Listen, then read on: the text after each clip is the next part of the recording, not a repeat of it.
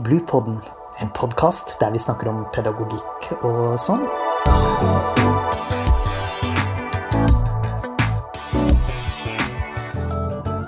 Podkasten er laget av barnehagelærerutdanninga ved Høgskolen på Vestlandet.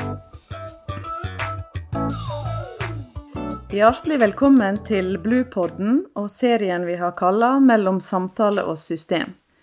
Tidligere så har vi snakka om hvordan systemer påvirker hverdagsverden i barnehagen, og om hvordan måten vi snakker på, betyr noe i barnehagen. Denne podkasten har vi kalla 'Leding i den lærende barnehagen', og er en samtale om leiinga si rolle i utvikling av lærende fellesskap i barnehagen.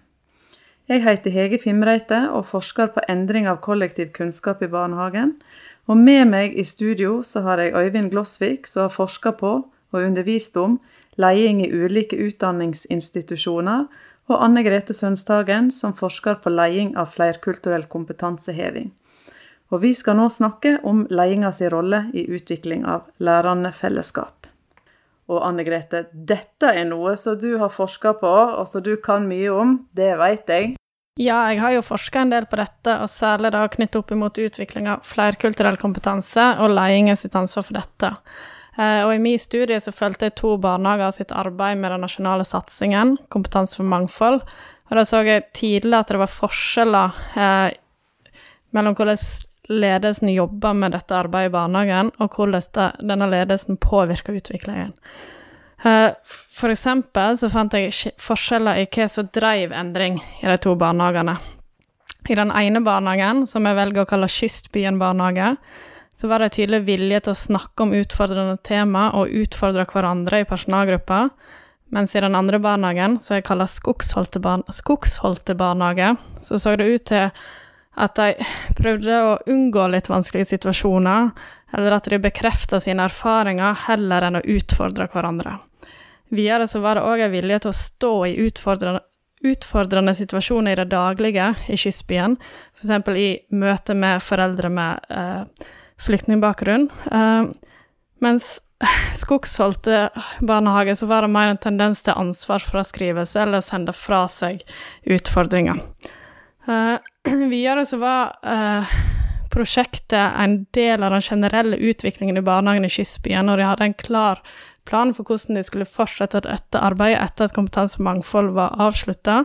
Mens i Skogsholte så så prosjektet ut til å være mer noe som kom i tillegg til den daglige praksisen, og de hadde heller ikke en tydelig plan for hvordan de skulle videreføre dette arbeidet etter kompetansemangfold.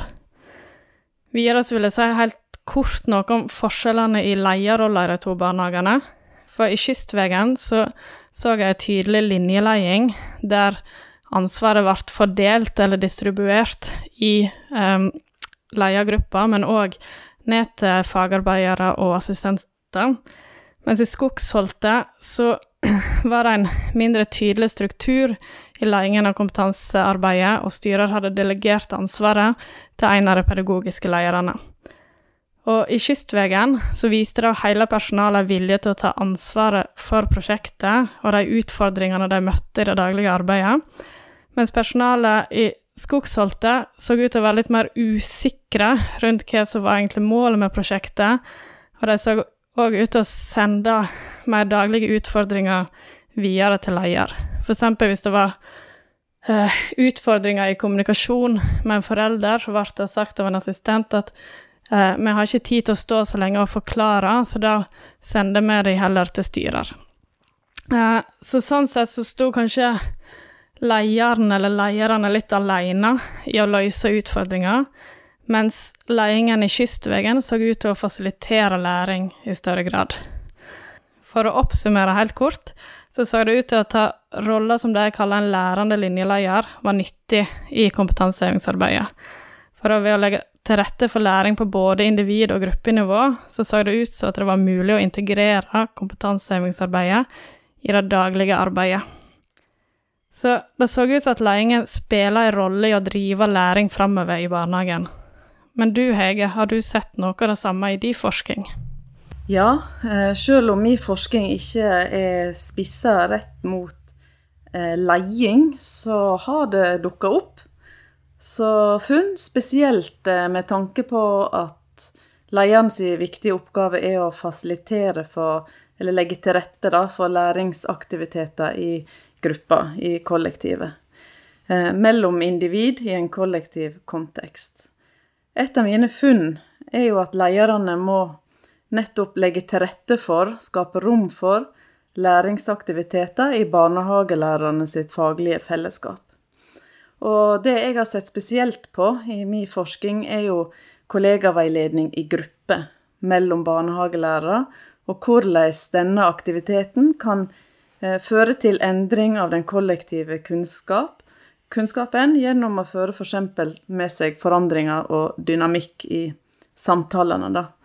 Men eh, jeg så jo òg at det, i tillegg til eh, ledinga sin eh, engasjement og, eh, og forankring, eh, så må veiledninga settes i system. Det må kanskje gjøres av en leder. Eh, men den må òg settes i system i en prosess over tid.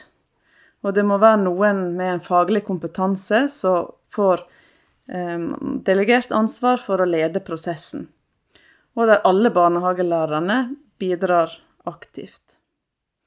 For det handler om at barnehagelærerne må få et rom for å diskutere faglige problemstillinger og gripe tak i eh, hverdagen sine utfordringer, og sånn òg oppdage skjulte handlingsmønster og sannheter som blir etablert i, i mellom de, da.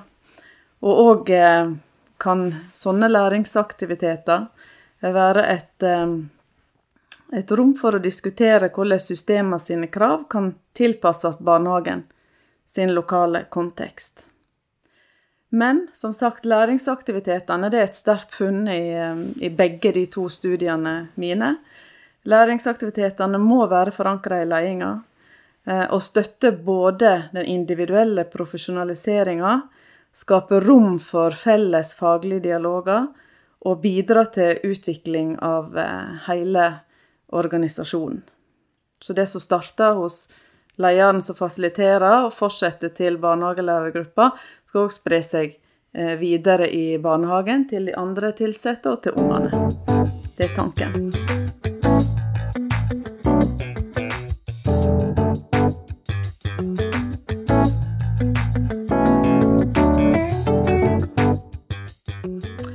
Men Øyvind, du som har så mye kunnskap om leding, hva har dette med leding å gjøre, egentlig? Ja, det har vel alt med leding og læring å gjøre, det som dere egentlig snakker om nå. Eh, det jeg, kan, det jeg, tenkte jeg kunne prøve å gjøre, og skal prøve gjerne å høre på dere, det er prøve å plassere litt av dette inn i et sånn teoretisk begrepsapparat. Og det, Da må jeg unnskylde at jeg egentlig vil gjenta noe av det dere har nevnt. Men f.eks. det, nå, det, det du, du, du, var inne på, Hege, så nevnte du dette med individ-kollektiv. Du nevnte liksom i samme åndedrag liksom begge disse nivåene. Faktisk er det, det er ganske viktig å tenke på at vi kan velge å fokusere på enten det individuelle nivået eller det kollektive. Eller vi kan gjøre begge deler. Det er det ene, det er, det, Dette er et viktig resonnement. Kommer til det. Et annet resonnement det er at um, vi kan fokusere, Når vi snakker om læring i organisasjoner, så kan vi fokusere på individene. Eh, nei, unnskyld, vi kan fokusere på det vi har lært. Den gamle kunnskapen. Eller vi kan fokusere på innlæringa. Og med en gang, det er, ganske vanlig at når en sier at jeg er interessert i organisasjonslæring, så en sier den setningen, mm. da får du tilbake igjen ja, men organisasjoner kan ikke lære. Ja, men det er jo helt avhengig av hva du definerer som organisasjon.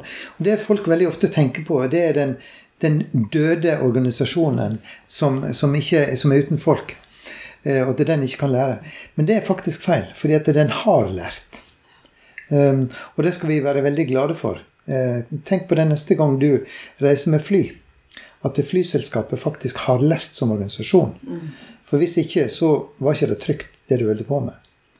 Um, fordi et flyselskap og flygerne skal ikke lære nye ting på den ruta du, den flighten du er på. Ja, men ok, det, Dere skjønner poenget. Men dette, den tenkingen gir oss egentlig fire ideer om hva læring i organisasjoner er. Og dermed også fire typer ideer om leding. For det første så får vi jo selvfølgelig en idé om at det, er det som er lært på det kollektive nivået, det jeg sa. Og det består ofte av prosedyrer og beskrivelse av hvordan vi skal handle. Og det er tidligere resultat av tidligere kunnskap. Um, på individnivå så har vi individuelle kunnskaper. Vi er, vi er lært opp til å følge bestemte mønster.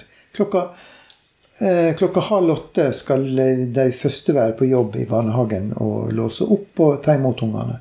Og det gjør vi automatisk som enkeltindivid. Så har vi da dette, det å lære nye ting, både på kollektivt nivå og individuelt nivå. Og det vi alle tre som sitter her, er opptatt av, det er egentlig ikke, vi er ikke så veldig mye opptatt av den gamle kunnskapen. Det vi er opptatt av, er hvordan barnehager tilegner seg ny kunnskap. Og vi skiller egentlig ikke mellom individuelt og kollektivt. Det vi er opptatt av, det er prosessene som binder det sammen. Um, og det gjør det jo veldig spennende, da. Fordi at det, I samme øyeblikk som vi sier dette prosessene som binder det sammen, da sier vi ledelse. For hvis ikke vi gjør det, så tror vi at dette går av seg sjøl. Og det gjør det ikke. Det gjør overhodet ikke av seg sjøl. Og nettopp sånn så den studien som du, som, eh, som du har gjennomført, eh, Anne Grete, og eh, som vi har skrevet lag om, der er jo nettopp forskjellen mellom der det ikke blir tatt som selvfølgelig, og det, forskjellen er veldig stor til mellom de som virkelig jobber hardt med å få til endring, og de som mer, er mer forsiktige. Og de som er mer forsiktige, henger da mer fast i det gamle mønsteret. Um, så hvis jeg da skal prøve å avslutte der, eller prøve å oppsummere akkurat disse punktene om det, hva er en lærende barnehage, så kommer jeg egentlig tilbake til noe av det dere har sagt. Det ene er at det, forskjellen altså Lærende linjeledelse, det betyr å legge til rette for andres læring. Um, det, det, det, det, er jo Men da sier jeg egentlig rettleding, Hege. Ja. Det er jo men det, hva er forskjellen med å legge til rette for andres læring og rettledning? Det er det samme tingene. Mm. Um, men, uh, og så har vi dette med å lære om ansvar. Ja, da sier vi egentlig at ja, lære om ansvar i en barnehage, det handler om profesjonell utvikling. Det. Det, er jo det, å lære om, eh, det betyr å lære om hva rammeplanen skal bety for oss her og nå. Um, og så snakker vi om å distribuere og fordele ansvar. Ja, det handler om å trekke folk med seg. Få dem med seg. Um, sørge for at de tar ansvar der de er. Um, så handler det om å prøve ut forskjellige måter å jobbe på. Og så handler det om å, ta, å være tydelig. Og det, det, å være tydelig, det handler om å, å uh, si at jeg har ansvar i denne situasjonen her. Jeg, um, jeg har for barnehagelærere så bare, Jeg har utdanning. Jeg må ta det ansvaret som denne utdanninga innebærer.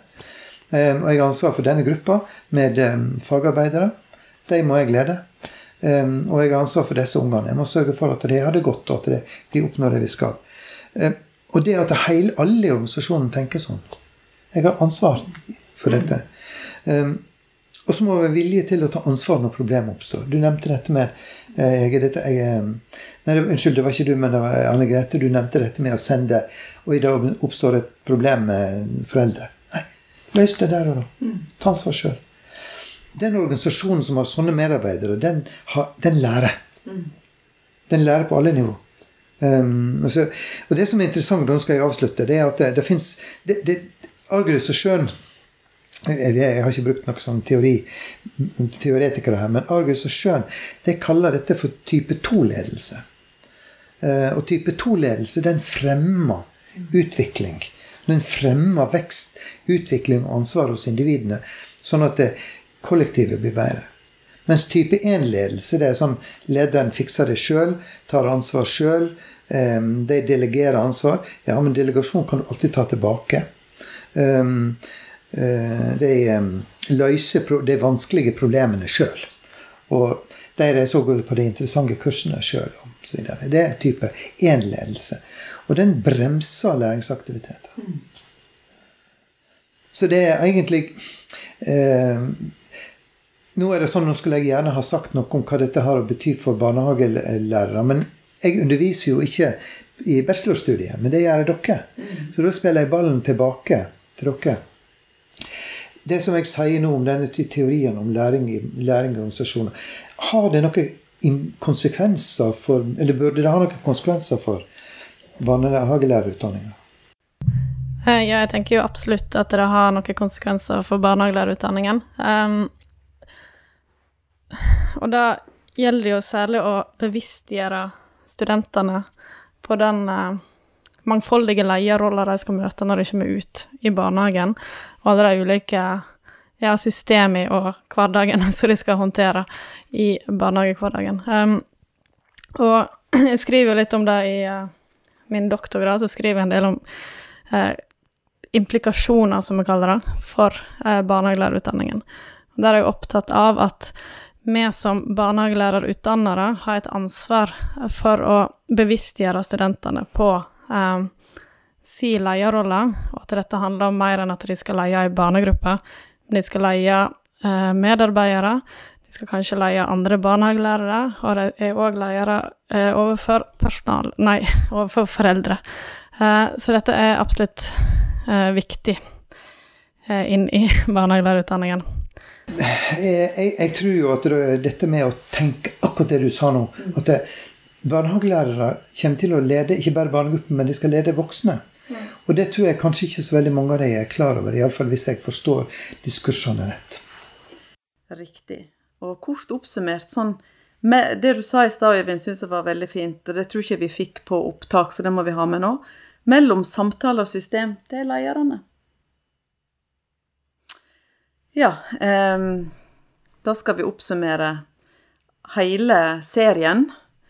Eh, For i denne Bluepod-serien, mellom samtale og system, så har vi snakka om hvordan barnehagelærere kan gripe føringer og krav fra systemer til deres hverdagsvær, hvordan talehandlinger og måten vi snakker om, har betydning for praksisen i barnehagen, og hva rolle ledelsen har for utvikling av lærende fellesskap. Og helt til slutt, kjære barnehagelærerstudenter. Barnehagelærere blir veldig fort ledere, på ulike nivå, både for voksne og barn, og i møte med ulike system, og dette må dere ta helt på alvor. Det, dette er kanskje ikke noe som dere studenter tenker på sånn med en gang med barnehagelæreryrket, men som betyr mye mer enn de tror. Takk for oss.